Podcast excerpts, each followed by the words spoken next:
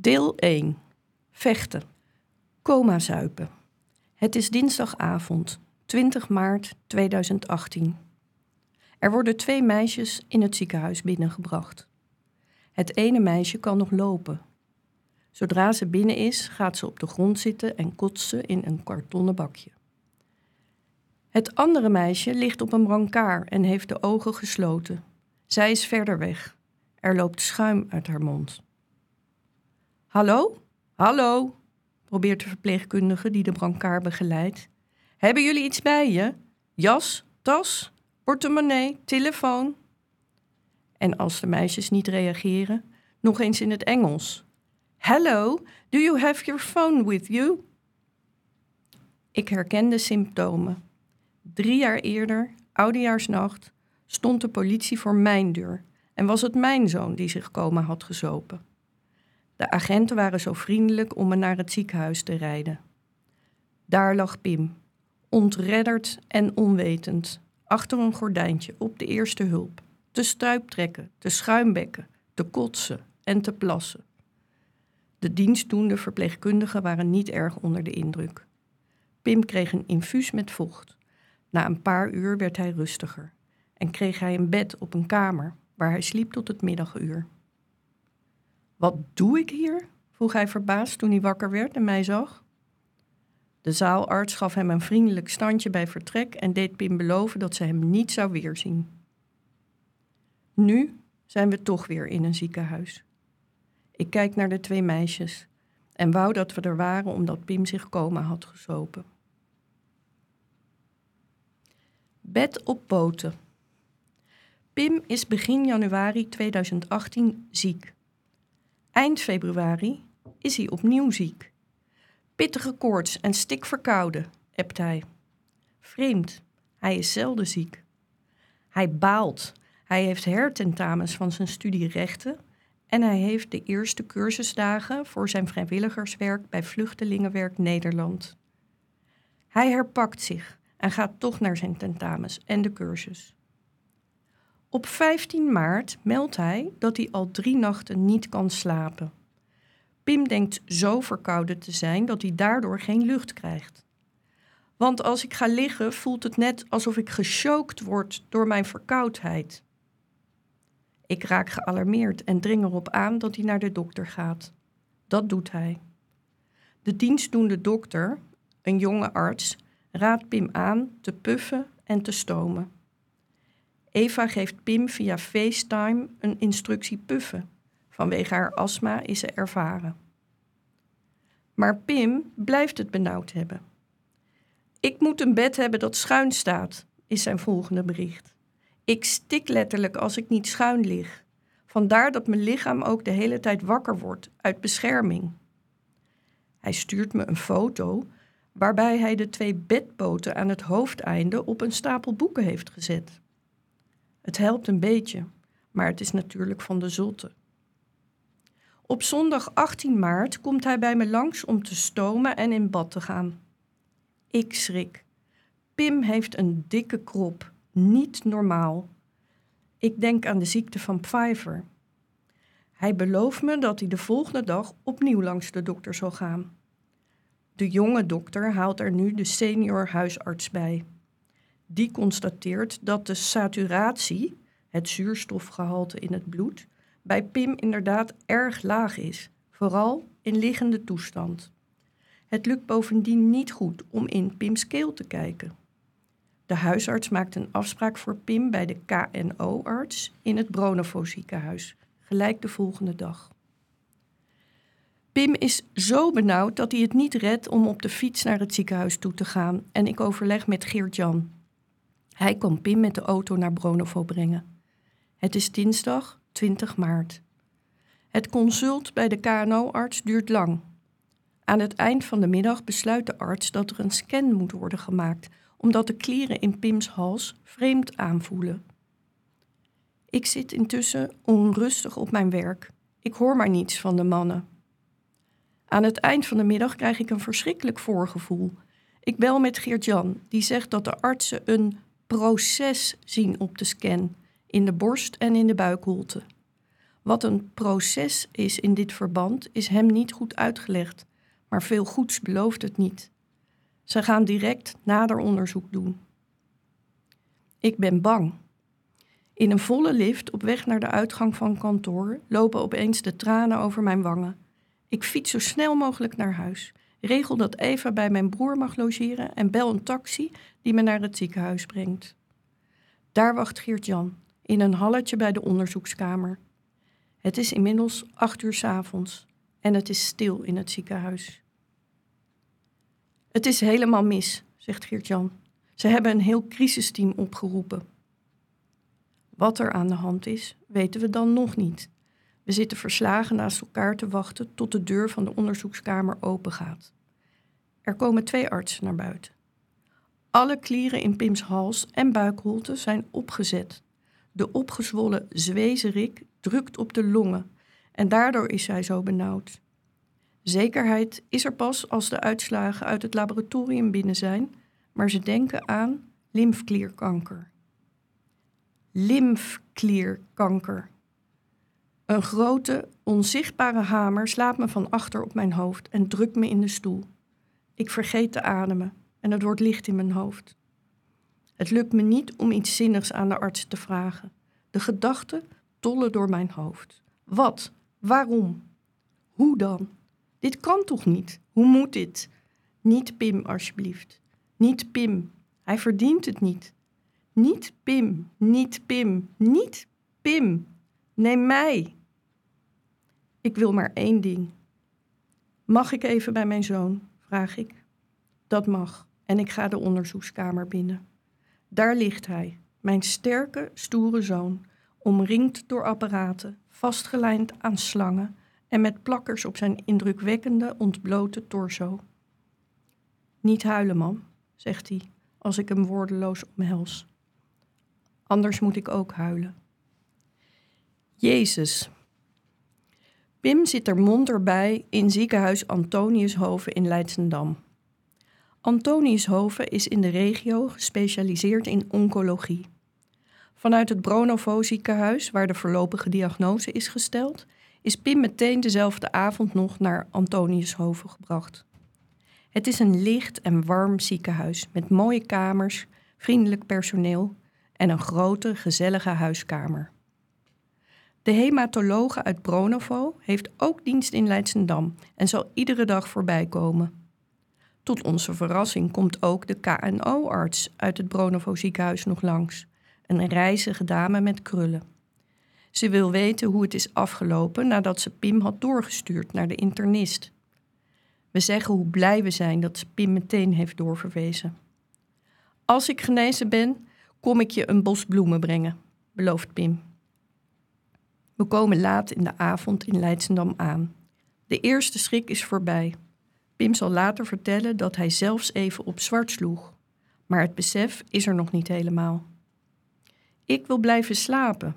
Ik weet niet hoe Pim zal reageren als het besef er wel is. Pim kijkt zeer bedenkelijk. Hoeft echt niet, mam. Maar ik wil per se dat hij deze eerste nacht niet alleen is. Hij is aan het appen met vrienden. Vrienden die ik niet allemaal even goed ken. Zo gaat dat als je kind volwassen is en niet meer thuis woont. Van Pim mag de hele wereld meteen weten wat er aan de hand is. Hij heeft niets om te verbergen. En dan staat tegen middernacht plotseling vriend Den in de kamer. Deus ex machina. En vanwege zijn dan lange haar en baardje al snel omgedoopt tot Jezus. Hij is gelijk gekomen toen hij Pims bericht kreeg en staat erop te blijven slapen. Mijn zoon knikt opgelucht dat ik naar huis mag. Ik ga. Wie kan beter over Pim waken dan Jezus? Warm bad. Antonius Hoven voelt als een warm bad. Pim blijft er drie dagen, tot hij opnieuw moet worden verscheept. Zijn behandeling wordt te complex en kan alleen in een academisch ziekenhuis worden uitgevoerd. Dat wordt het Leids Universitair Medisch Centrum, LUMC. Pim krijgt zuurstof toegediend en is niet meer zo benauwd. De prednison-kuur die wordt gestart doet zijn klieren in snel tempo slinken. Hij krijgt er zelfs een beetje brani van. De hematologe heeft verteld dat er bij Pim's ziektebeeld, medegelet op zijn leeftijd, een goede kans is op genezing. Na de mokerslag slaat de stemming om. We hebben hoop. Pim geeft aan dat hij die ziekte wel eens even zal nelen.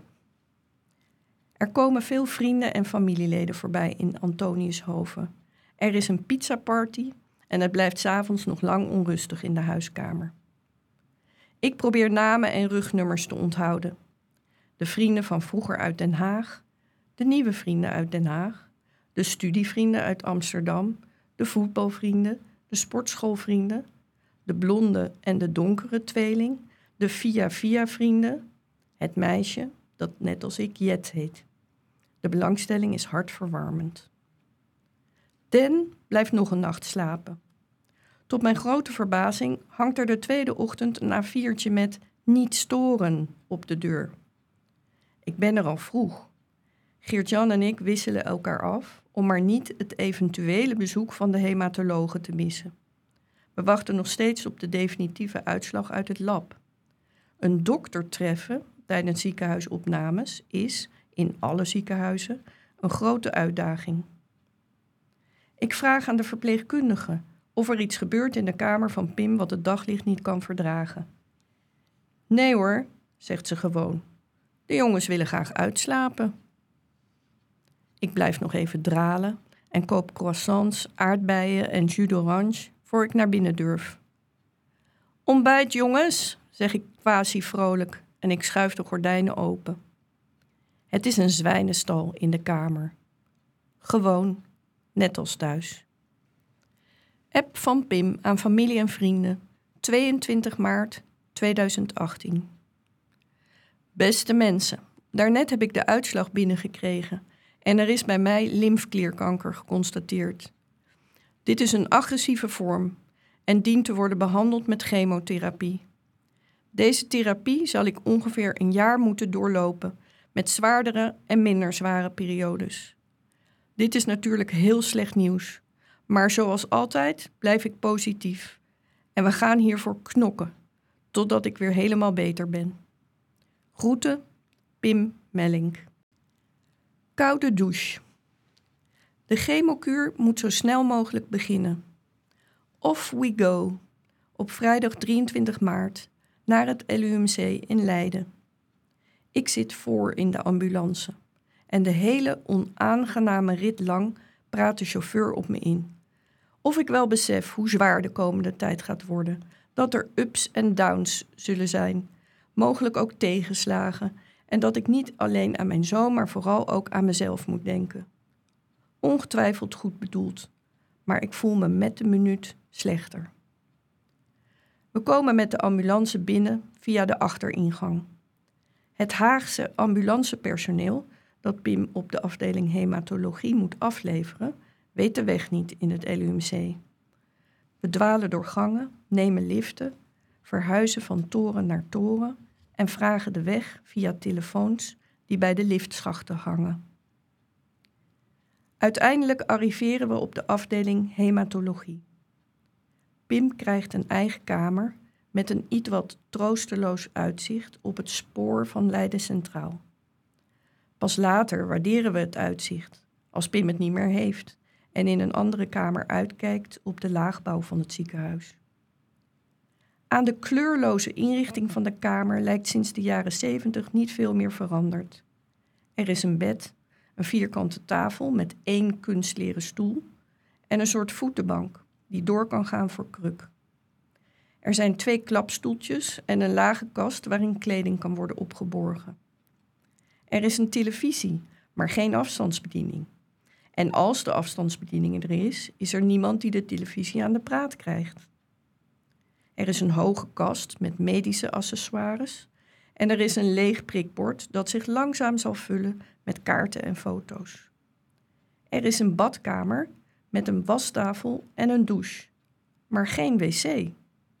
Die staat naast het bed, gelijk aan het raam. De wc is alleen met een gordijn van de rest van de kamer af te scheiden. Troosteloos is ook de kleine huiskamer van de afdeling aan het begin van de gang, zonder ramen, waar de tafel met zes stoelen bijna bovenop de zitmeubels staat en er voor families geen mogelijkheid is om zich af te zonderen. Daarvoor kun je beter terecht op het rijtje stadionstoelen naast de liften. Een oudere verpleegkundige doet de eerste intake. Ze is afstandelijk en streng. Ze vraagt niet wat Pim heeft. Dat weet ze waarschijnlijk al. Alle patiënten op de afdeling hebben natuurlijk een hematologische ziekte en ze zal zijn dossier hebben gezien. Ze vraagt ook niet hoe hij zich voelt.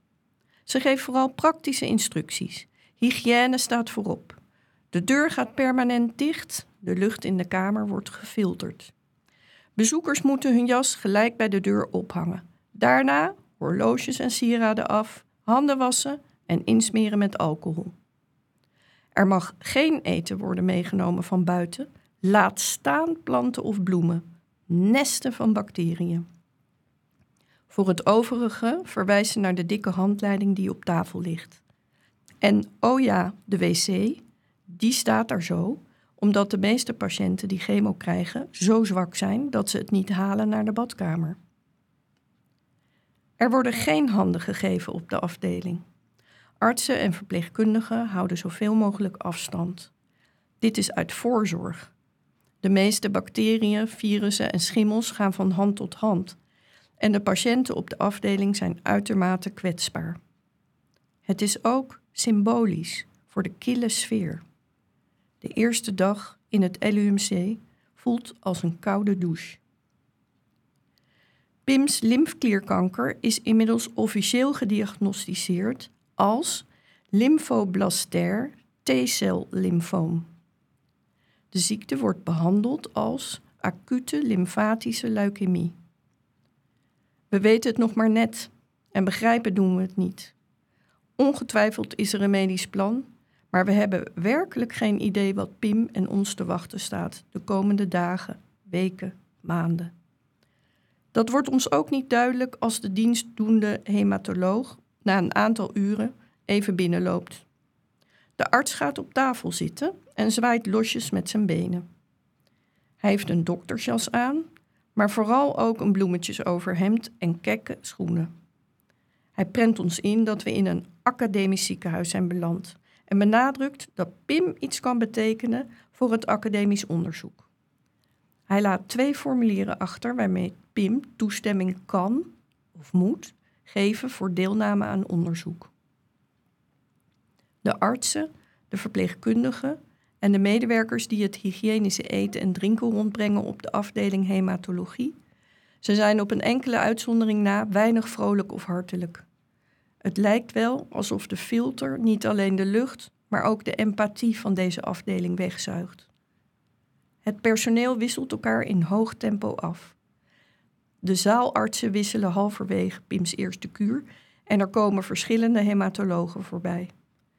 We zien dezelfde verpleegkundige hooguit twee dagen achter elkaar. Navraag leert dat dit ARBO-beleid is. Immers, de zorgverleners zouden zich aan patiënten kunnen hechten. En patiënten op de afdeling hematologie gaan soms dood. Het beleid is dus om afstand te houden, letterlijk en figuurlijk. Of dit beleid in het voordeel is van de patiënt, is niet de vraag. Het is in ieder geval bijzonder inefficiënt. Pim moet zich meerdere keren per dag opnieuw voorstellen. En er is geen vast aanspreekpunt voor ons, de familie. Pims dagkoersen worden niet op het oog herkend. Pim is een vleesgeworden dossier dat alleen bestaat uit kille cijfers. Temperatuur, bloeddruk, hartslag, saturatie, gewicht, bloedwaarde. Het maakt dat Pim zich nog eenzamer voelt dan hij al is, in het ziekenhuis en in zijn ziekte. Het zorgt ervoor dat wij hem zo min mogelijk alleen laten en aan het eind van de dag met zwaar gemoed afscheid van hem nemen. De eerste test voor de afdeling hematologie volgt al snel als er een stuk of tien vrienden Pims kamer binnenkomen. Ze hebben samen een cadeau voor Pim gekocht, een PlayStation 4 nota bene en zijn niet van plan zich te laten tegenhouden door de eerste, de beste verpleegkundige of arts. In de huiskamer is overigens ook geen plaats om te verzamelen. Glunderend staan ze om Pims bed heen als hij het cadeau uitpakt. Pim zal er ontzettend veel plezier van hebben. We krijgen van de afdeling duidelijk te verstaan dat dit eens, maar nooit weer is. De schoonmaker met de dreadlocks en zijn gehandschoende box, die dagelijks de kamer zwabbert en aan Pim vraagt hoe het gaat, wordt ons baken. Line-up. Iedere donderdag doet de professor hematoloog met het Duitse accent een ronde over de afdeling hematologie met zijn studenten. Rond 12 uur is de kamer van Pim meestal aan de beurt. Oh nee, daar heb je de line-up weer, zegt Pim tegen mij als de deur open gaat en het gezelschap naar binnen schuift. Na afloop bedenken we elke keer weer dat hij waarschijnlijk niet hoeft mee te werken aan deze academische exercitie, of heeft hij ervoor getekend. Maar vervolgens vergeten we steeds om hem ervoor af te melden. De professor en zijn studenten gaan in een halve maan om Pims bed staan, op een meter afstand van het bed. Zo, meneer Mellink, zegt de professor, terwijl hij de juiste papieren opzoekt. U heeft deze week. En dan volgt een samenvatting van Pims behandeling van de afgelopen week en eventuele bijzonderheden. De professor richt zich eigenlijk niet tot Pim, maar via Pim tot de studenten. Het is niet de bedoeling dat de studenten iets zeggen of iets vragen. De hiërarchie is strikt. Het is ook niet de bedoeling dat de patiënt zich mengt in dit mini-college. U heeft deze week MTX en vincristine gekregen en u heeft deze week oxycodon tegen de pijn gehad, somt de professor op. Ik heb nog steeds pijn, onderbreekt Pim de opsomming. Ik wil graag iets anders tegen de pijn, want dit werkt niet. De professor kijkt verstoord op. Ik zal straks de zaalarts sturen. Voor Pim is het een uiterst ongemakkelijke situatie. Er staan een stuk of vijf jongens en meisjes om zijn bed heen, van zijn eigen leeftijd. Zij staan en hij ligt. Zij zijn gezond en hij is ziek. Zij zijn weerbaar en hij is weerloos. Maar ook de studenten zijn niet gelukkig met de situatie. Ze zwijgen, kijken van de professor naar het bed en vermijden oogcontact met Pim en mij. Ze weten zich geen houding te geven, friemelen met hun handen, plukken aan hun witte jas. Ze zien Pim ook als hij ligt te slapen, als hij opgekruld op het bed ligt van de pijn of zo misselijk is dat hij elk moment kan overgeven. De line-up is een fenomeen dat we later op andere plekken in het LUMC ook tegenkomen. Bij een korte ziekenhuisopname van Pim op de interne geneeskunde komt de internist langs met zijn gevolg. Hetzelfde tafereel. De arts voert het woord, half tot Pim en half tot de studenten, en de studenten staan ongemakkelijk te zwijgen. Pim is uit zijn humeur. De opname is onnodig maar we hebben het protocol niet kunnen stoppen. Pim wilde zijn oren laten uitspuiten bij de huisarts. De vervangende huisarts signaleerde een lage saturatie en verbleekte toen ze Pims dossier opensloeg. Bestelde zonder omwegen een ambulance, protocol, wanneer voor de zoveelste keer een intake volgde bij de eerste hulp, protocol. Vervolgens was op de afdeling hematologie geen bed beschikbaar en kwam Pim op de interne geneeskunde terecht. Daar werd onmiddellijk bloed afgenomen en op kweek gezet. Protocol. We hebben de internist tien keer gevraagd om contact op te nemen met de polykliniek hematologie, waar ze Pim goed kennen en weten van zijn lage saturatie. Die is al maanden zo. Na twee dagen komt dan eindelijk het verlossende woord van de internist. In het bijzijn van Geert-Jan en vooral van zijn gevolg, roept hij joviaal tegen Pim: Wat denk je ervan? Zou je weer naar huis willen? Het schiet Pim in het verkeerde keelgat. Wat zou u zelf denken? antwoordt hij afgemeten. Er is een onderdrukt gelach hoorbaar en de professor voelt zich zichtbaar ongemakkelijk. Even later kom ik ook binnen om Pim en Gert-Jan met de auto op te halen. Als we op de ontslagbrief wachten, protocol, glipt een van de studenten uit de line-up van de internist weer naar binnen. Goh, Pim, dat je dat durfde te zeggen, zegt hij. Ze praten een tijdje samen over Pim's ziekte en behandeling en over zijn eigen motivatie om arts te worden, waarover hij twijfels heeft. Hij toont oprechte interesse in Pim. Zal je dat blijven doen? vraag ik de jongen bij vertrek. Af en toe een praatje maken met je patiënten. En ik hoop dat Pim misschien die ene patiënt is, waardoor hij zijn motivatie terugvindt en later altijd interesse in de mens achter de patiënt blijft houden. Gif. Ongetwijfeld is er een plan, maar we komen voorlopig niet verder dan informatie over de eerste chemokuur, de inductiefase. Ons wordt op het hart gedrukt dat Pim alles vooral moet ondergaan, stap voor stap, en dat hij niet te ver vooruit moet kijken. Dingen ondergaan is niet Pims eerste kwaliteit. En voor zover het ertoe doet, al helemaal niet de mijne. Pim heeft graag een doel en een einddatum, maar die gaat hij van de artsen niet krijgen. Pim krijgt per infuus een chemokuur bestaande uit zes medicijnen en nog tien medicijnen om daarbij te slikken. Antivirus, antibacterie, antischimmel, een soort pasta die zo smerig is dat Pim het weigert, antimisselijkheid, anti-alles. Regelmatig krijgt hij een ruggenprik met chemo om het hersenvocht te bereiken. Een ware marteling, vooral als de neuroloog in kwestie niet bedreven is. We proberen te volgen wat er allemaal gebeurt en houden die eerste weken een logboek bij. Er staat permanent een grote infuuspaal naast zijn bed, waaraan de ene na de andere zak wordt gehangen. Bij iedere nieuwe zak vraagt de dienstdoende verpleegkundige Pim's naam en geboortedatum. Het is protocol en het wordt een door Pim gehaat ritueel. Meneer Mellink, mag ik uw geboortedatum alstublieft? Als de zak leeg is, maar ook als er lucht in de lijn komt of als er een knik in de lijn zit, gaat de computer aan de infuuspaal doordringend piepen. Op hoogtijdagen piept de paal om de 10 minuten, ook s'nachts. Ik leer van een aardige verpleegkundige op welk knopje ik moet drukken om het piepen te onderdrukken. Van onaardige verpleegkundigen krijg ik vervolgens op mijn kop als ik dat doe. Ik snap überhaupt niet waarom het geluid van de infuuspaal aanstaat. De kamer van Pim is dicht en op de gang is het geluid nauwelijks te horen. Bovendien gaat er gelijktijdig met het geluid een lichtje branden op de piepers van de aanwezige verpleegkundigen. Pim wordt helemaal gek van het gepiep.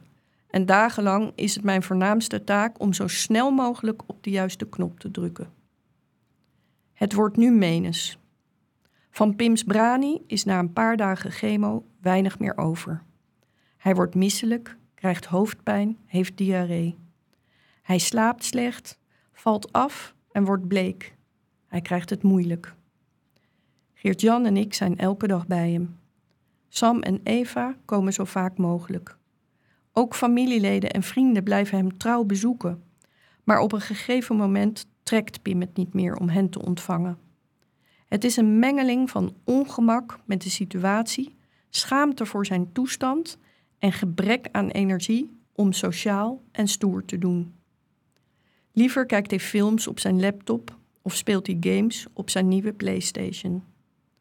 En als hij echt ziek wordt, ligt hij op bed naar muziek te luisteren, speelt hij luisterboeken af of dommelt hij een beetje weg. Ik zit veel bij hem op de kamer en probeer te werken op de laptop die ik op de lage kledingkast zet, zittend op de voetenbank, met mijn benen in de kledingkast tussen Pim's sokken. Bellen doe ik ijsberend op de gang, langs de rij gesloten deuren. Mijn zoon wordt vergiftigd, druppel voor druppel.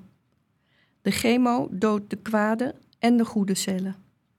De T-cellen die de lymfomen veroorzaken, worden gepakt. Maar tegelijkertijd wordt zijn huid dun en valt zijn haar uit.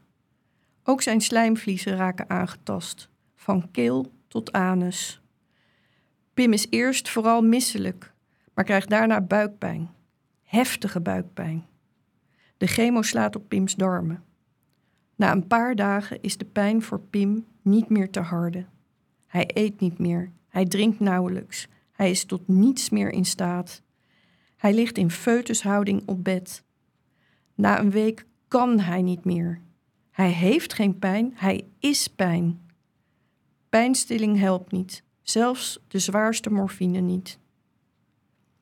Ik wil niet meer, zegt hij tegen Geert-Jan en mij. Het hoeft niet meer van mij. Pim is hulpeloos en wij voelen ons machteloos.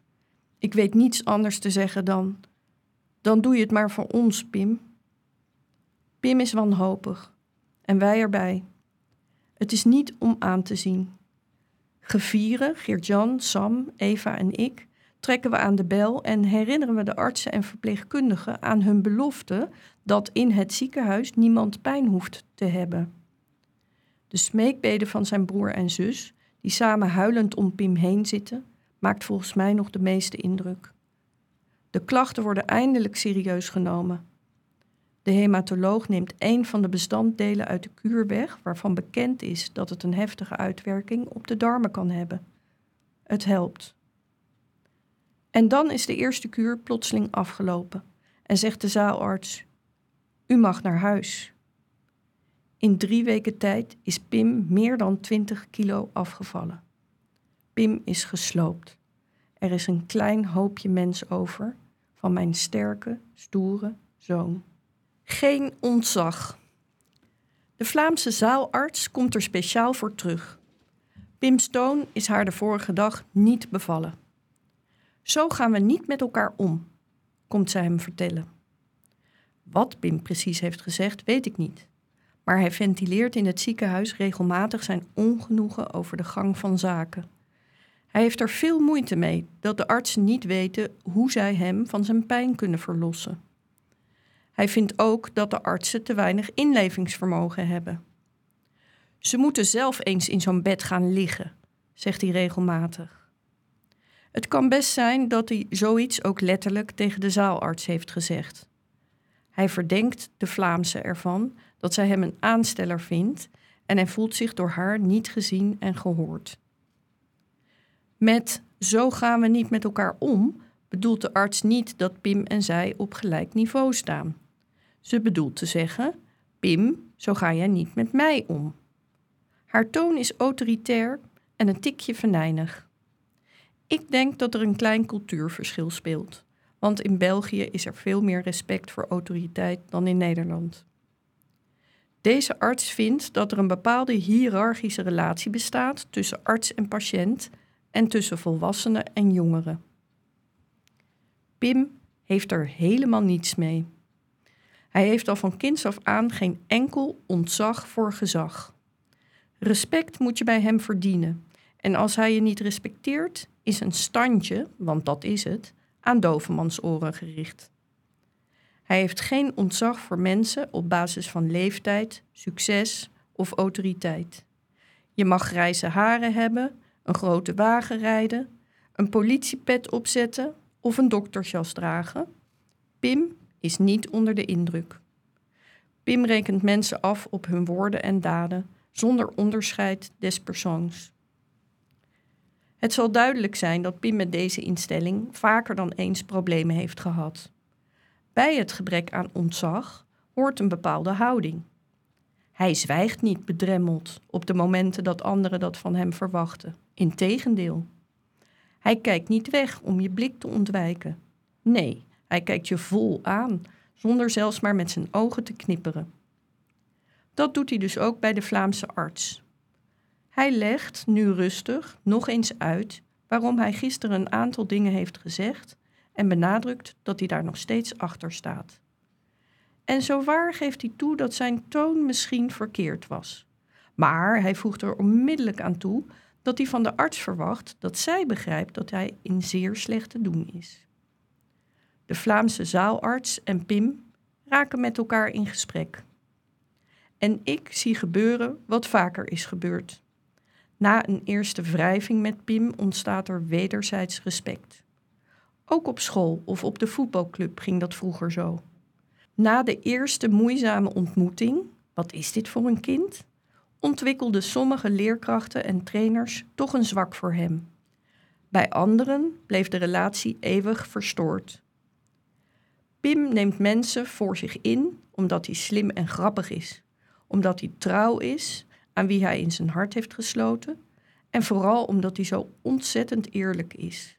En het laatste verraadt zich met één oogopslag. Een aantal maanden later, als de Vlaamse zaalarts in opleiding alweer andere werkplekken in het LUMC heeft aangedaan en tientallen andere patiënten onder handen moet hebben gehad, komen Pim en ik er ergens op een overloop tegen. Ze loopt met haastige tred, maar ze houdt in als ze Pim ziet staan.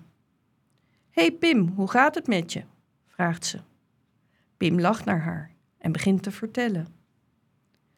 Pim is in de klas, in het team of op de afdeling het vervelendste jongetje, maar hij is ook het jongetje dat je hart kan stelen en je het langst bijblijft. Genant. Als Pim van de pijn niets meer kan zeggen, hoogstens snauwen, en hij opgekruld op bed ligt, komen de maatschappelijk werkster en de psychiater langs. Ze zijn niet verdwaald op de afdeling hematologie. De zaalarts heeft alarm geslagen, want Pim heeft stevig taal gebruikt. Hij gaat ten onder aan de pijn en heeft gezegd dat hij niet meer kan en dat hij niet meer verder wil. De maatschappelijk werkster is een moederlijk type dat zichtbaar met Pim en mij te doen heeft. De psychiater, in opleiding, is een jonge, weinig sensitieve vrouw. Het eerste wat de psychiater doet, is mij verzoeken de kamer te verlaten, want het gaat om Pim's privacy. Alle fysieke handelingen van alle andere artsen en verpleegkundigen vallen blijkbaar niet onder Pim's privacy, maar deze op zijn geest gerichte handelingen wel. Pim richt zich half op en zegt: Mijn moeder hoeft niet weg. Er volgt een gênant gesprek. Het lijkt op een half gestructureerd interview van een stagiaire. De psychiater werkt een lijst af met vragen. De vragen worden grimmiger aan het slot. Of Pim wel eens aan de dood denkt en of hij zichzelf iets aan wil doen. Om het aanschouwelijk te maken, geeft ze een voorbeeld. Bijvoorbeeld als je uit het raam kijkt. Pim kijkt, hoe toepasselijk, uit op het spoor. Pim geeft de eerste keer nog netjes antwoord op de vragen. De psychiater telt de vinkjes op en concludeert dat Pim depressief is. Dat horen we niet meteen, daar komen we pas achter als Pim antidepressiva te slikken krijgt. En dat Pim antidepressiva slikt, ontdekken we pas bij Pims ontslag, als we de doosjes medicijnen voor thuis meekrijgen. Ook heeft de psychiater achter Pims rug om met de huisarts gebeld, met vragen over zijn geestelijke gezondheid in het verleden. Wat nu privacy? Ik weet niet hoeveel jongeren er vrolijk bij liggen als ze net drie weken weten dat ze ernstig ziek zijn en een lang behandeltraject voor de boeg hebben met een onzekere afloop. Ik denk dat velen, net als Pim, goed wanhopig zouden worden van de aanhoudende pijn. Ik denk dat iedereen in zijn wanhoop wel eens iets roept. Maar ben je dan depressief? Pim is van nature niet depressief. Het is niet het type dat vastloopt in zijn eigen gedachten. Hij denkt en doet, handelt naar bevinden. En als zich situaties voordoen waarin hij geen uitweg ziet, dan wordt hij eerder boos dan verdrietig. Een Pim in goede doen gaat altijd de confrontatie aan met de situatie, met anderen met zichzelf. Boos wordt Pim tijdens die eerste chemokuur verschillende malen. Op alles en iedereen. Op ons, op zichzelf. Maar ook op verpleegkundigen, de zaalarts en op de psychiater. De psychiater is overijverig en komt nog een paar keer terug. Pim wordt er niet goed van. Hij vindt de gesprekken die zij met hem voert grote onzin en laat dat duidelijk blijken. Hij heeft geen behoefte aan geestelijke begeleiding. Hij wil graag iets tegen de pijn.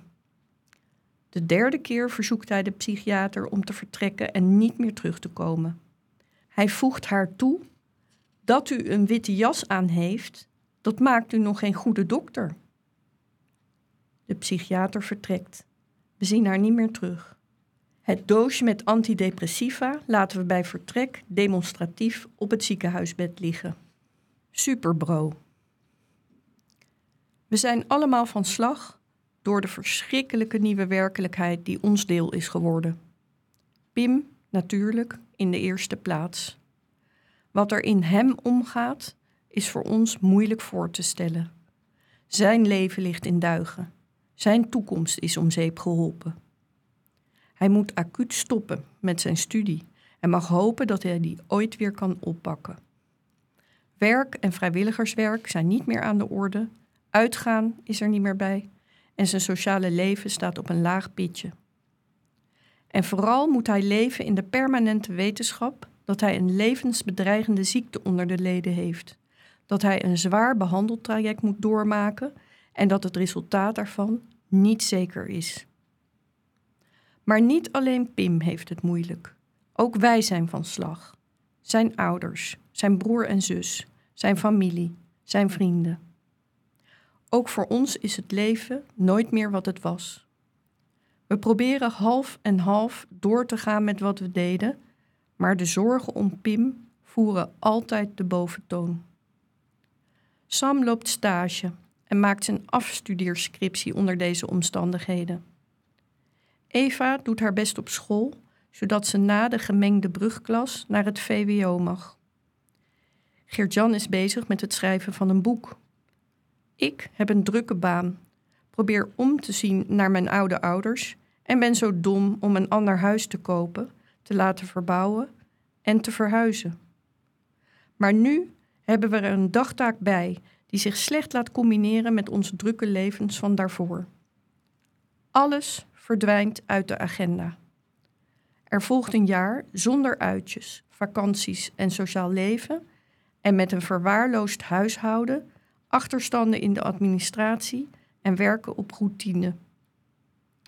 Mijn verlofstuurmeer droogt in rap tempo op door de ziekenhuisbezoeken, opnames en mantelzorg voor Pim. Pim's ziekte neemt ons totaal in beslag. Niets is belangrijk meer. We willen maar één ding. Laat alsjeblieft Pim genezen. Het is verschrikkelijk moeilijk om uiting aan onze gevoelens te geven. We leven in een roes. We leven op adrenaline. We voelen permanente zorgen. Ik draag altijd angst bij me, diepe angst om Pim te verliezen. Het is de keerzijde van de onvoorwaardelijke liefde die ik voor hem voel. Voor iemand willen sterven is geen abstract begrip meer. Als het toch kon, hoe simpel was die keuze dan? Ik wil in het bed liggen waarin Pim ligt en hem op vrije voeten stellen. Ik wil zijn pijn dragen en ik wil hem mijn toekomst geven. Maar wat ik wil, kan niet. We moeten doen wat wel kan doorgaan, volhouden en er zijn voor Pim. Flink zijn, zo noemt mijn moeder het in onze bijna dagelijkse telefoontjes. Het is gemakkelijker gezegd dan gedaan. Het helpt dat Pim op verschillende momenten aangeeft dat hij er niet goed tegen kan om ons verdriet te zien. Hij heeft het zelf al zo verschrikkelijk zwaar en ons verdriet drukt nog meer op hem. Dus proberen we het licht te houden in zijn buurt en huilen we op de gang, op de wc of s'avonds laat in bed. Pim houdt zich groot. Onder vrijwel alle omstandigheden blijft hij rustig. Een enkele keer valt hij uit, als hij gefrustreerd is of veel pijn heeft. Maar nervositeit en angst zijn hem vreemd. Zijn hartslag versnelt niet en zijn bloeddruk stijgt niet, bij welke behandeling ook. Hij werkt overal aan mee. Hij laat zich gewillig scannen en bestralen. Hij geeft geen krimp bij de talloze malen dat een infuus moet worden ingebracht of bloed moet worden afgenomen.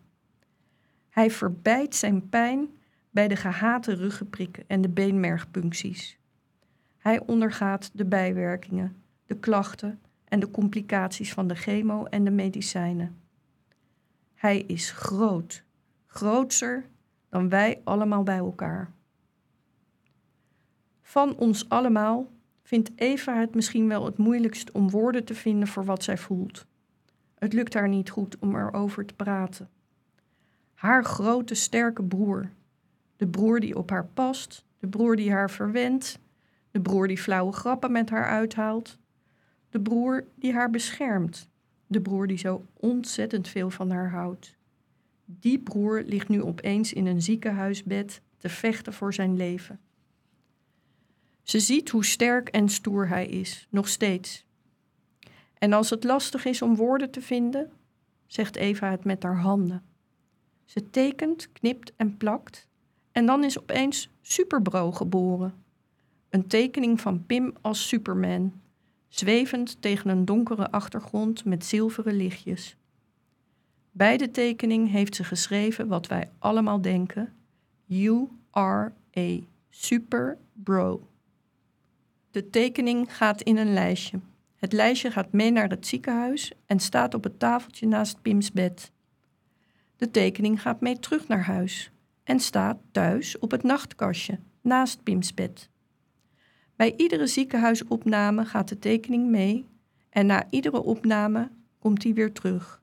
Heen en weer, heen en weer. Pim is Eva's en onze superbro. Overal en altijd. Thuis. Na vier weken ziekenhuis staat Pim opeens weer op straat. Graadmager en doodmoe van de uitputtingsslag die de eerste chemokuur heeft veroorzaakt. Thuis zijn bevordert het herstel, zeggen de artsen. We vinden het fijn dat Pim naar huis mag, maar zijn ook nerveus of we de benodigde zorg zelf kunnen leveren. De situatie is zo onbekend en de regie is ons de afgelopen weken zo uit handen genomen dat we niet goed kunnen inschatten wat we hierin kunnen betekenen. Bij zijn ontslag heeft Pim een enorme batterij medicijnen meegekregen met een instructie van vijf pagina's. Pim is volstrekt niet in staat zich hierin te verdiepen. Geert-Jan maakt er een studie van, tot hij weet welke medicijnen op welk moment van de dag moeten worden gegeven. De dozen met pillen staan in slagorde op zijn schoorsteenmantel. Sommige kuren lopen af, andere worden gehalveerd of juist gecontinueerd. Pim moet worden geprikt om trombose te voorkomen. Geert-Jan doet het zelf. Geert-Jan zal het hele jaar alles zelf doen. Mijn vader is mijn manager, zegt Pim. Behalve medicijnen krijgt Pim ook zondevoeding mee. Een zak met vloeibaar, eiwitrijk voedsel wordt aangesloten aan de slang die via Pims neus naar zijn maag leidt. De zonde is in het ziekenhuis al ingebracht. De diëtiste van het LUMC heeft de zondevoeding besteld en aan huis laten afleveren. Aanvankelijk loopt de zondevoeding dag en nacht, daarna alleen s'nachts. Na een kleine week trekt Pim zelf de slang uit zijn neus. Hij stapt over op de Nutri-drinkjes, kleine caloriebommen met een weeën smaak. Nog een week later lukt het hem voldoende calorieën binnen te krijgen met gewoon eten en drinken. Pim woont bij Geert-Jan op kamers. Na zijn zelf uitgeroepen tussenjaar, tussen school en studie in, is hij van mijn huis naar dat van zijn vader verhuisd. Bij mij thuis werd hij geacht aan het huishouden deel te nemen en daar had hij geen zin meer in. Bij Geert-Jan kan hij meer zijn eigen gang gaan. De heren doen weinig samen en praten ook niet veel.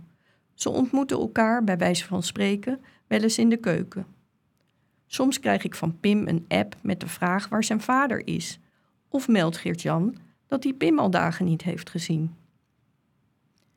Geert-Jan en Pim voeren samen een mannenhuishouden. Er wordt wel lekker gekookt, maar de afwas staat in stapels op het aanrecht er staat een open vuilniszak in de hoek van de keuken en het fornuis is aangekoekt. Het huis wordt weinig gepoetst en dat laat letterlijk zijn sporen na. In zijn kamer heeft Pim geen kledingkast, maar twee hopen kleren. Een hoop schone en een hoop vuile was. Zijn studieboeken staan in stapels op zijn tafel en op de grond. De helft van Pim's kamer wordt bovendien ingenomen door Geert-Jans boekenverzameling. Het is een stofnest en, in mijn ogen, een ongezellige boel. Als Pim terugkomt uit het ziekenhuis, moet het anders. Ik dring, tot wederzijds ongenoegen, Geert-Jans huis binnen. Ik moet wel van mezelf. Pim's situatie is uiterst kwetsbaar en niet opgewassen tegen dit huishouden. We hebben van de afdeling hematologie strenge richtlijnen gekregen om het huis zo schoon mogelijk te houden en Pims eten zo hygiënisch mogelijk te bereiden. Daarnaast wil ik het vooral ook gezellig maken. Voor Pim, maar misschien ook wel voor mezelf. Zijn kamer zal een centrale plaats innemen in zijn en ons leven. Na wat aanloopproblemen gaan we aan de slag. De operatie Huis schoon en gezellig vordert met horten en stoten. Geert-Jan schildert Pims kamer, verplaatst zijn verzameling en staat een boekenkast aan Pim af. Op Marktplaats vindt hij een groot bed met een beweegbare bedbodem. Mijn broer en zussen geven Pim bijbehorende nieuwe matrassen. Ik verhuis een kledingkast van mijn huis naar Pims kamer en vouw zijn kleding op. Eva zet boeken en papieren in de boekenkast. Mijn ouders geven Pim een kleine koelkast, zodat hij zijn eigen eten en drinken dicht bij de hand heeft. Eva en ik kopen nieuwe dekbedden, kussens, lakens, handdoeken, een waterkoker, een blender, een tosti-ijzer, een bedtafeltje, een vliesdeken, servies en een hoop andere onzin. Ik leen Geert-Jan mijn schoonmaker, die het huis van onder tot boven schoonmaakt. Het enige wat ik niet uit Pim's kamer verwijderd krijg, is de studenticoze doorzakbank met de smerige bekleding. Uiteindelijk is het huis schoon, het bed opgemaakt en de koelkast gevuld. Pim keert terug uit het ziekenhuis. De zon schijnt door de ramen als hij zich met een voldane zucht op zijn nieuwe bed laat vallen. Hij is vrij.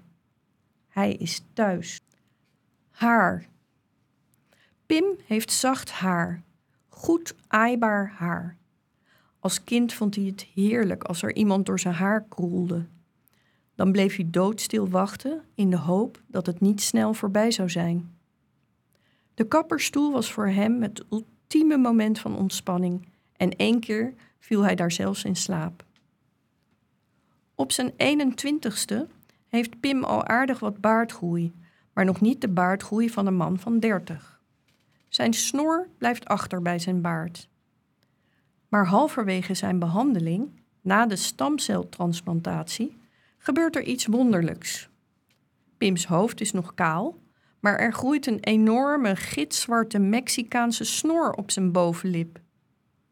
Niet mijn prioriteit, zegt Pim afgemeten als ik hem complimenteer. Daarna breekt ook een blauwe baard door, de contouren van de baard die hij als man zou kunnen hebben. Maar na één keer scheren zijn de indrukwekkende snor en baard weer weg en komt zijn puberbaard terug, wat rossig deze keer. Het is iets waar Pim misschien wel het meest tegenop zag: kaal worden. Pim ziet er graag goed uit en kan uren voor de spiegel staan om zijn haar te doen. Hij zweert sinds zijn puberteit bij zijn Turkse kapper. Hij experimenteert met kort en lang haar, opgeschoren zijkanten, hanenkammen, blonde lokken. In de eerste week van zijn eerste chemokuur laat hij bij de kapper van het LUMC gelijk zijn haar kort wieken, zodat het niet te plukkerig zal uitvallen.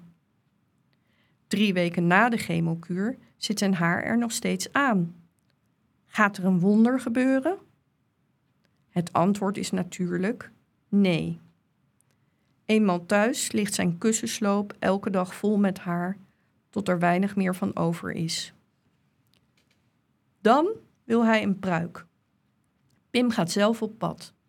In Leiden zit een gespecialiseerde pruikenmaker en hij kiest een mooi exemplaar uit van echt donker haar.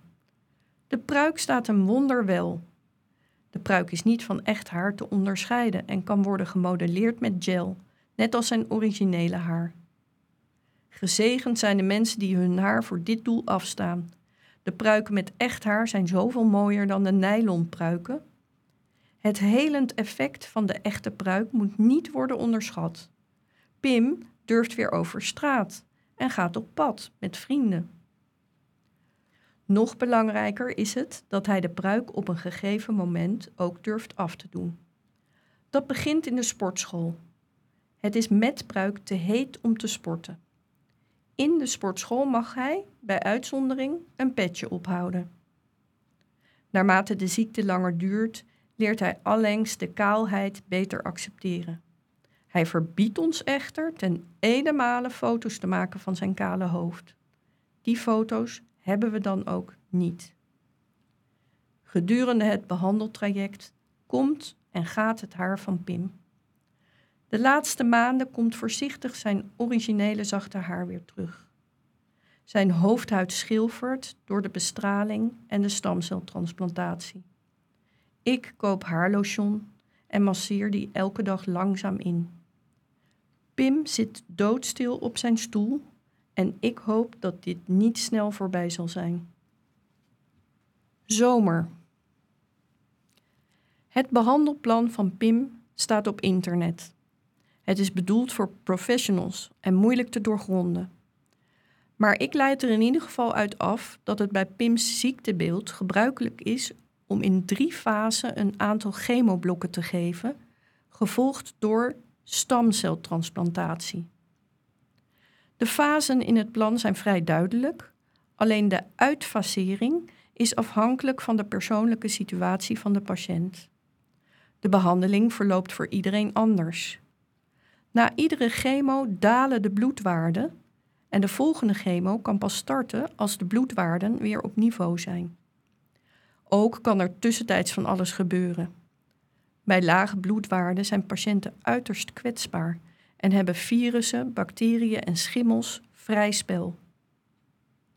Begin mei is er goed bericht. De lymfomen zijn verdwenen. Althans, de lymfklieren zien er onder de CT-scan weer normaal uit.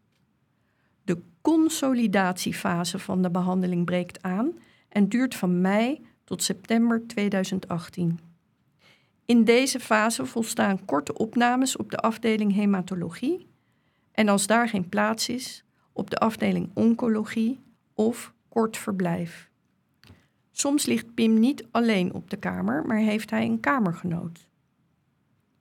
De consolidatiefase verloopt volgens een vast ritme.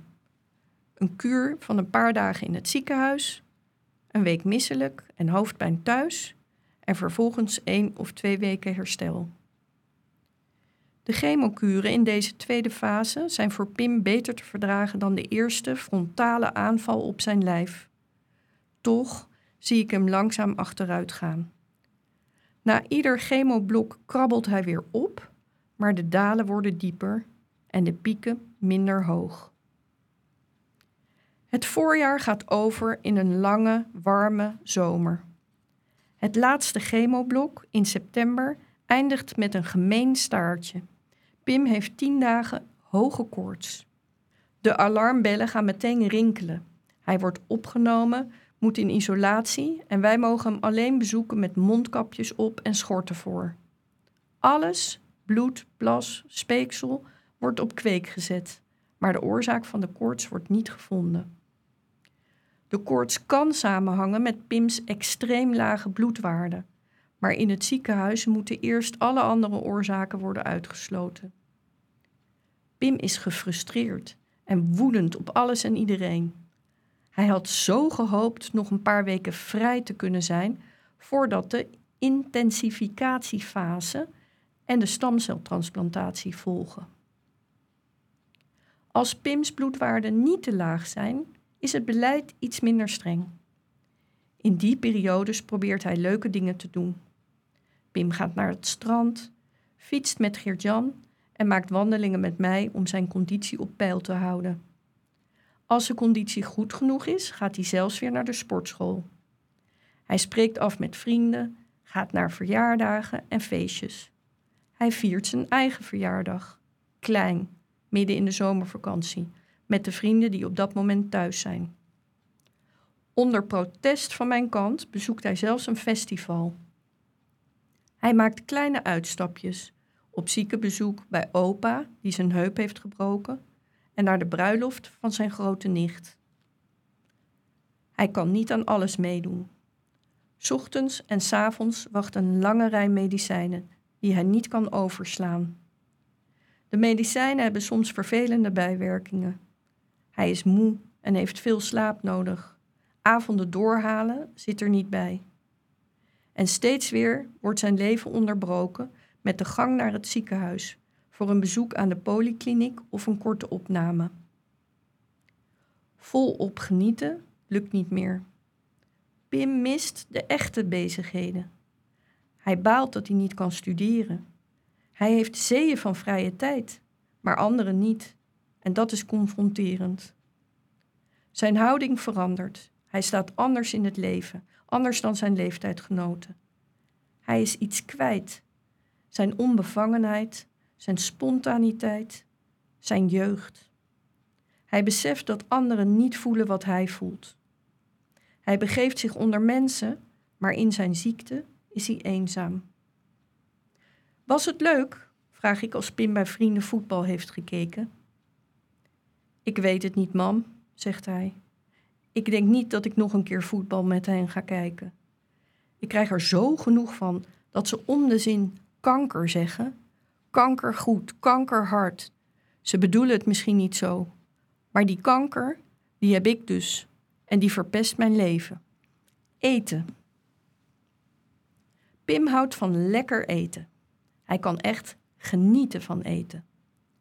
Talloos zijn de appjes waarin ik met hem correspondeer over eten. Kom je eten? Wellicht deze week eten?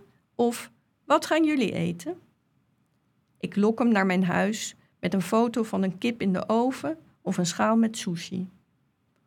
Voor Pim gaat het niet om de verfijnde keuken. Eten met zout, vet en calorieën is favoriet. En vlees staat op nummer 1. Rosbief met friet, lamskoteletjes met spinazie, krabbetjes bij de boerenkool. Bij de Turkse bakker, liefst die ene, haalt hij shawarma, deuner of kapsalon. Door Pim weet ik überhaupt wat het is, kapsalon. Meer dan duizend calorieën, mam, zegt hij tevreden, als hij het aluminiumfolie afhaalt van de zout- en vetbom die in de bak zit. Eten speelt een belangrijke rol in het jaar dat Pim ziek is. Eten brengt soms het weinige genoegen dat hem op een dag is gegeven. Eten is soms niet mogelijk. Dan moet het met Nutri-drink, zonder voeding of via het infuus. Eten is soms een opgave als zijn slijmvliezen en speekselklieren kapot zijn en zijn reukvermogen is aangetast. Eten wordt een plicht als hij na een chemokuur is afgevallen. Eten is een doel als hij weer wil aansterken en naar de sportschool gaat. Eten is frustrerend als het er even hard uitkomt als erin gaat. Eten wordt vreten onder invloed van het medicijn dexamethason. Veel van mijn appverkeer tijdens Pim's ziekte gaat ook over eten. Wat kan ik voor je meenemen? Een lijstje uit een vreedperiode. Witte chocola, donuts, cake, biogarde, taxi, cheese onion chips. Een andere keer eist hij een lekkere lunch. Een extra long bacon king zonder kaas en een milkshake aardbei.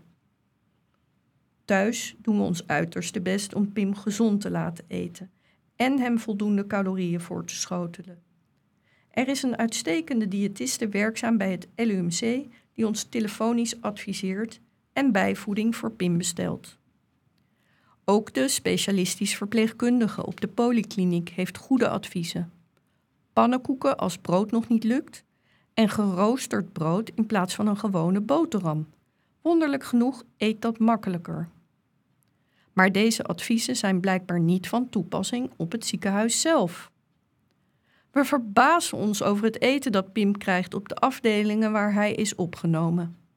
Pim eet met lange tanden of hij eet niet. Het is niet lekker het is niet altijd vers en het is niet afgestemd op de patiënt. Wie schotelt in hemelsnaam een scherpe Indische maaltijd voor aan patiënten van wie de slijmvliezen kapot zijn, die overgeven en continu diarree hebben? De Indische maaltijd die Pim geserveerd krijgt, eten Eva en ik even later in de ziekenhuiskantine en is overigens prima te doen. Het is duidelijk dat de maaltijden zijn afgestemd op de artsen en studenten en niet zozeer op de patiënten. Zodra het kan en mag, gaan we uiteten. In de tijd dat Pim en ik wandelingen maken, eindigen we bij voorkeur op een plek waar iets lekkers te halen valt. Een visje in de Scheveningse haven, een ijsje op de Frederik Hendriklaan, een pannenkoek in Meijendel, een hamburger in het eetcafé om de hoek, een portie bitterballen op Kijkduin. En een Argentijnse steak naast het Koerhuis.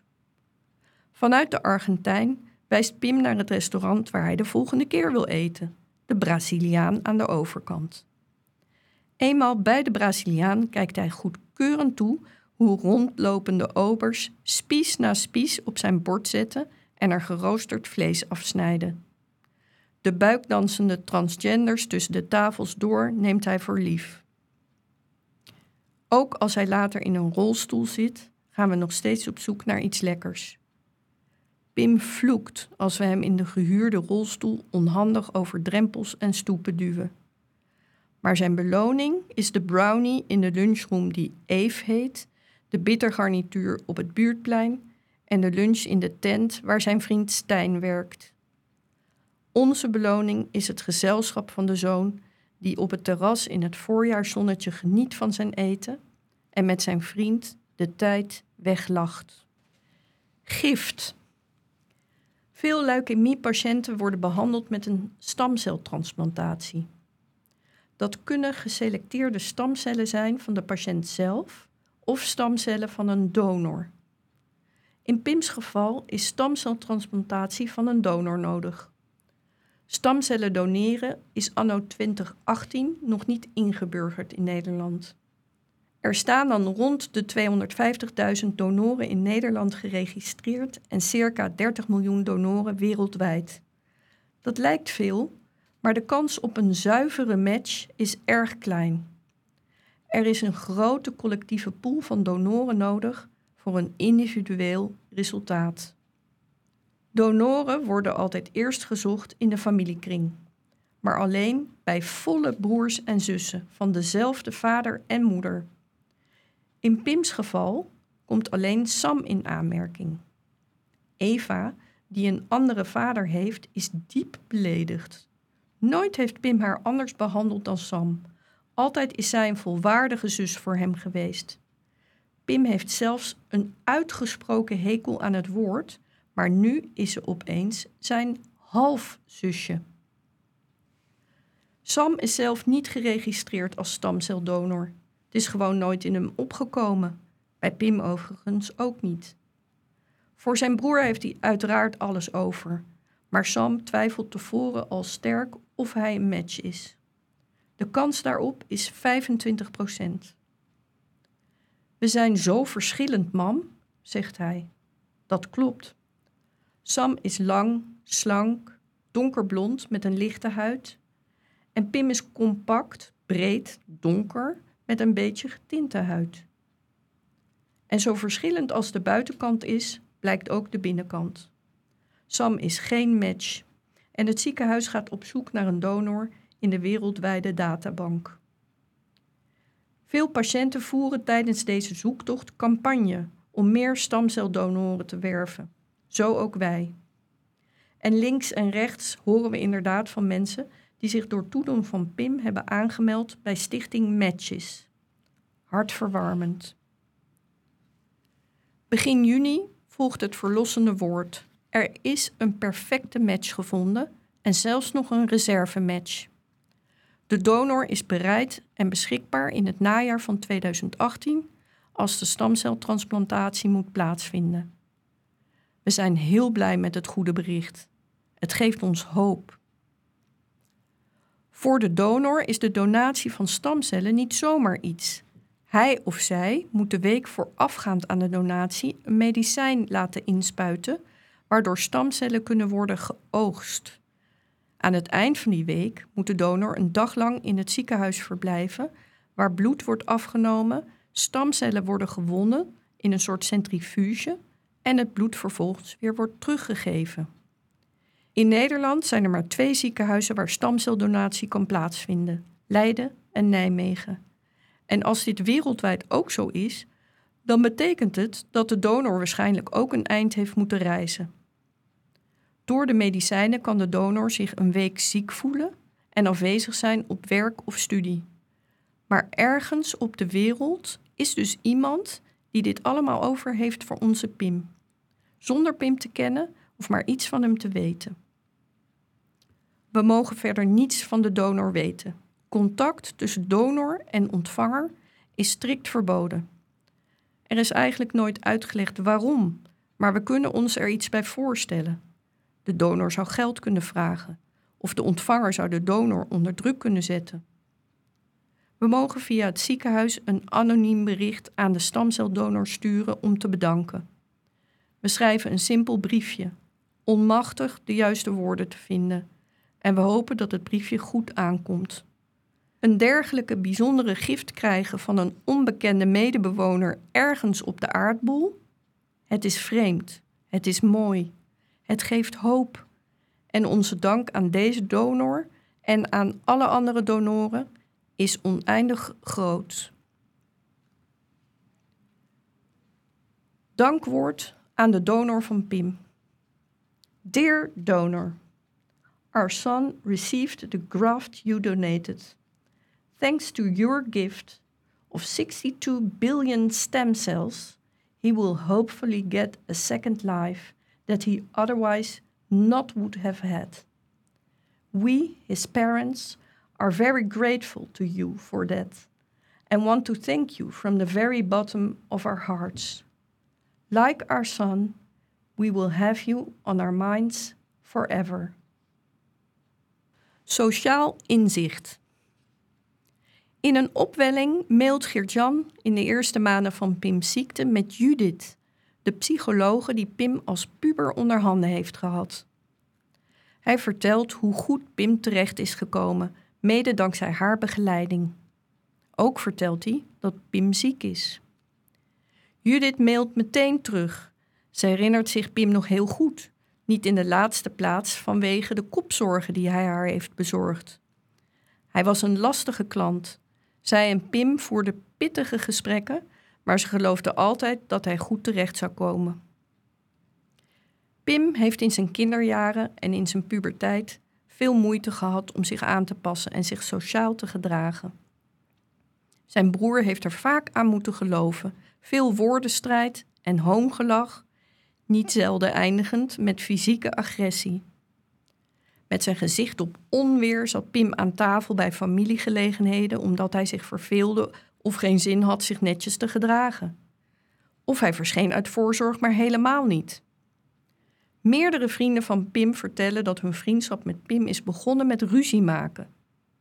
Pas nadat de piketpaaltjes waren geslagen, kon iets worden opgebouwd.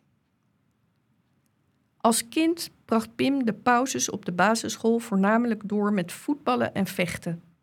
Hij maakte zich niet geliefd, zeker niet bij de ouders van de gemolesteerde kinderen, die hem van partijtjes gingen weren en geen schoolpleingesprekjes meer met mij aanknoopten. In zijn puberteit was Pim de clown van de klas en maakte hij docenten horendol. De keren dat Geert-Jan en ik zijn opgetrommeld voor gesprekken op de basisschool, de naschoolse opvang en de middelbare school zijn niet op één, twee, drie of vier handen te tellen. En niet zelden werden die gesprekken opgeschaald tot in de kamer van de conrector of de directeur. Van de naschoolse opvang is Pim een jaar eerder verwijderd dan de bedoeling was, na een opeenstapeling van incidenten.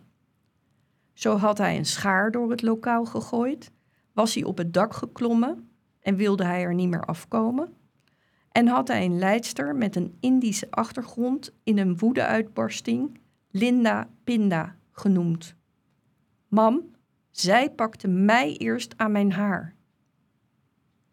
Op het VWO moesten Pim en ik ons enkele maanden voor zijn centraal schriftelijk examen melden bij de conrector van de bovenbouw. Het was een relatief lange tijd stil geweest. Stilte voor de storm, zou blijken. De conrector vouwde een vel op A3-formaat uit met hokjes en kruisjes. Het bleek Pims rooster te zijn en de kruisjes waren de uren die Pim had geskipt. Waarom zou ik naar Engels gaan? Dat kan ik toch al? was zijn nuchtere antwoord op de vraag waarom hij niet naar alle lessen ging. Maar dat was niet de bedoeling, aldus de conrector. Het is hier geen McDonald's keuzemenu. De conrector bood Pim twee opties: of alle lessen volgen, of zich thuis voorbereiden op het centraal examen. Die keuze was voor Pim snel gemaakt. Wanhopig keek ik toe hoe hij de daarop volgende weken voornamelijk aan het gamen was en in zijn bed lag. Uiteindelijk is hij met een herexamen en met dank aan een stoomtraining van zijn docent Nederlands toch geslaagd. Natuurlijk vroegen wij en vele anderen ons vaak af waarom Pim zich gedroeg zoals hij zich gedroeg. Al in groep 3 werd een begeleidster uit het speciaal onderwijs ingevlogen om Pims juf te coachen. In groep 4 besloot het zorgteam van de school dat het tijd was om Pim naar de jeugdzorg door te sturen. Naar hun oordeel kon zijn gedrag niet meer door de beugel. Of jullie gaan met hem naar de jeugdzorg, of wij doen het, al dus het schoolhoofd. Dus deden wij het. Na een tijdje knoeien in en via de jeugdzorg, dit is de korte, vriendelijke versie, namen we zelf het heft in handen. Via de huisarts kwam Pim terecht bij een jeugdpsychiater die Pim grondig heeft getest en geobserveerd.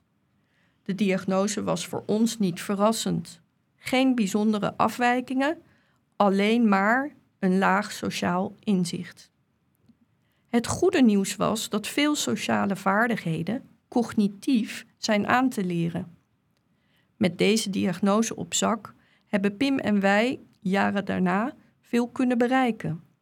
Mede dankzij de juffen, meesters, begeleiders, trainers, coaches, tantes, ooms en vrienden die bereid waren in Pim te investeren.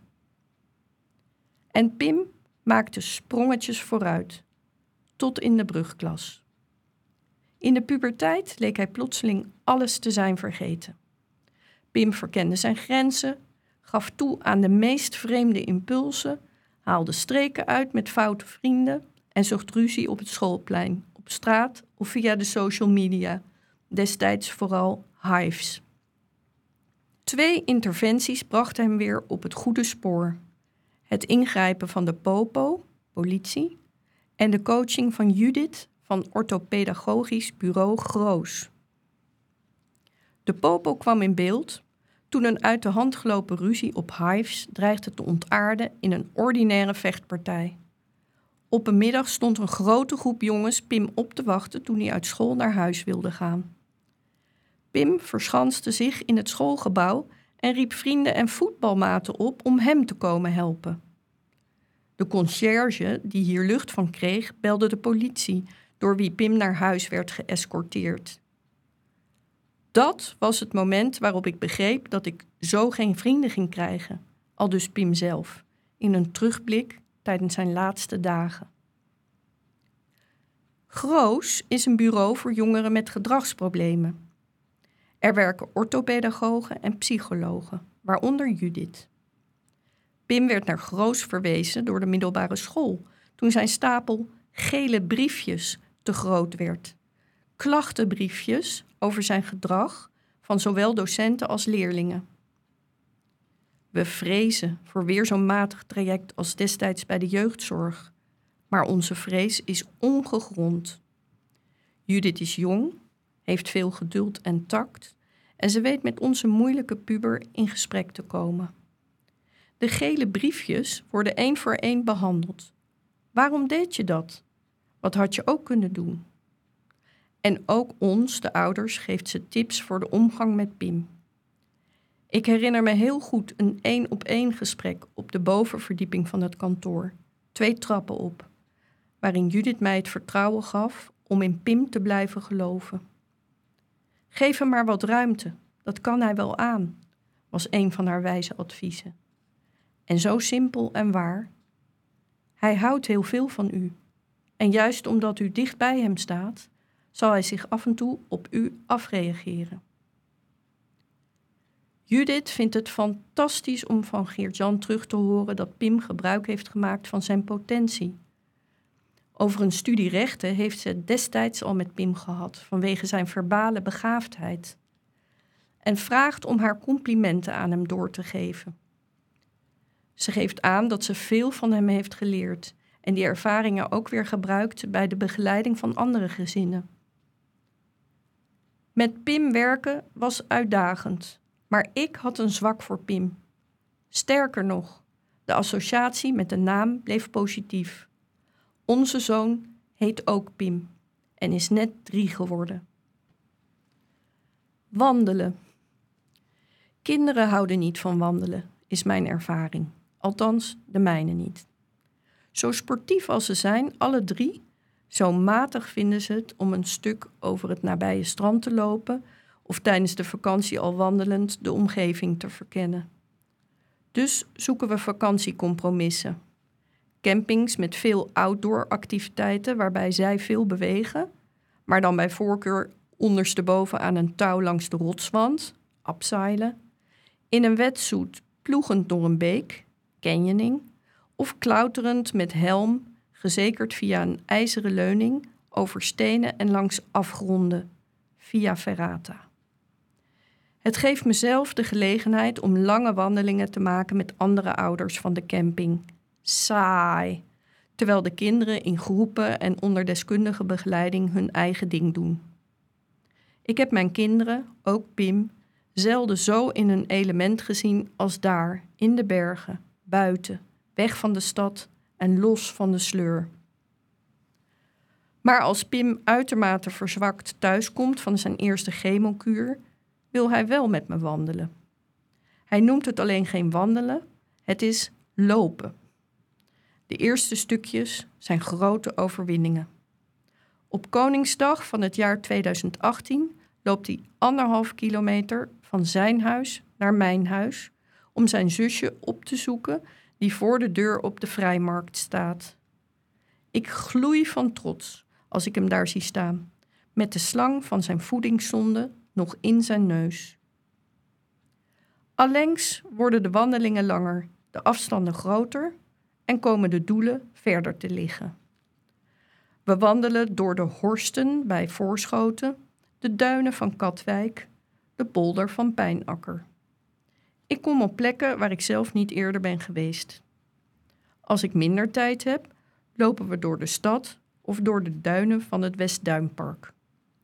We blijven op de paden, want aan lopen op het strand heeft Pim een hekel. Te vermoeiend al het zand. Het strand is om op te liggen. Het lopen is goed voor Pims en mijn conditie. Maar ik koester de wandelingen ook omdat we tijdens het lopen een zo vanzelfsprekend contact kunnen hebben. Het is net als met autorijden. Tijdens het lopen kijk je elkaar niet de hele tijd aan en dat vergemakkelijkt de conversatie. We hebben het over van alles en nog wat. Over onbenulligheden en over grote vraagstukken. Over verleden, heden en toekomst. Over recht en onrecht. Over goed en kwaad. Over leven en dood. Over haat en liefde. Pim denkt veel in zwart-wit en ik probeer met grijs te nuanceren. Soms hebben we het ook nergens over en lopen we lange stukken zwijgend naast elkaar blanco of in onze eigen gedachten verzonken. Na de stamceltransplantatie volgt een grote terugval in de wandelconditie van Pim. Als ik hem weer in beweging probeer te krijgen, moeten we van voren af aan beginnen. Het kost hem fysiek en mentaal grote moeite om zich weer op te laden. Het weer werkt niet mee. Het is winter en koud buiten. Pim heeft het al zo koud en het is vroeg donker. Pims longen zijn niet in orde en hij hijgt als een oude man als hij naast me loopt. Toch blijft hij het proberen. We beginnen met kleine ommetjes in de buurt. Vervolgens rijd ik hem met de auto naar verschillende plekken groen in de stad. De bosjes van Pex, de bosjes van Poot, de Scheveningse bosjes, Park Meer en Bos en steeds een andere opgang van het Westduinpark.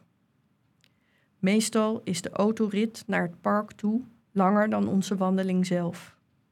Er zit niet veel progressie in het wandelen en dat doet hem en mij veel verdriet.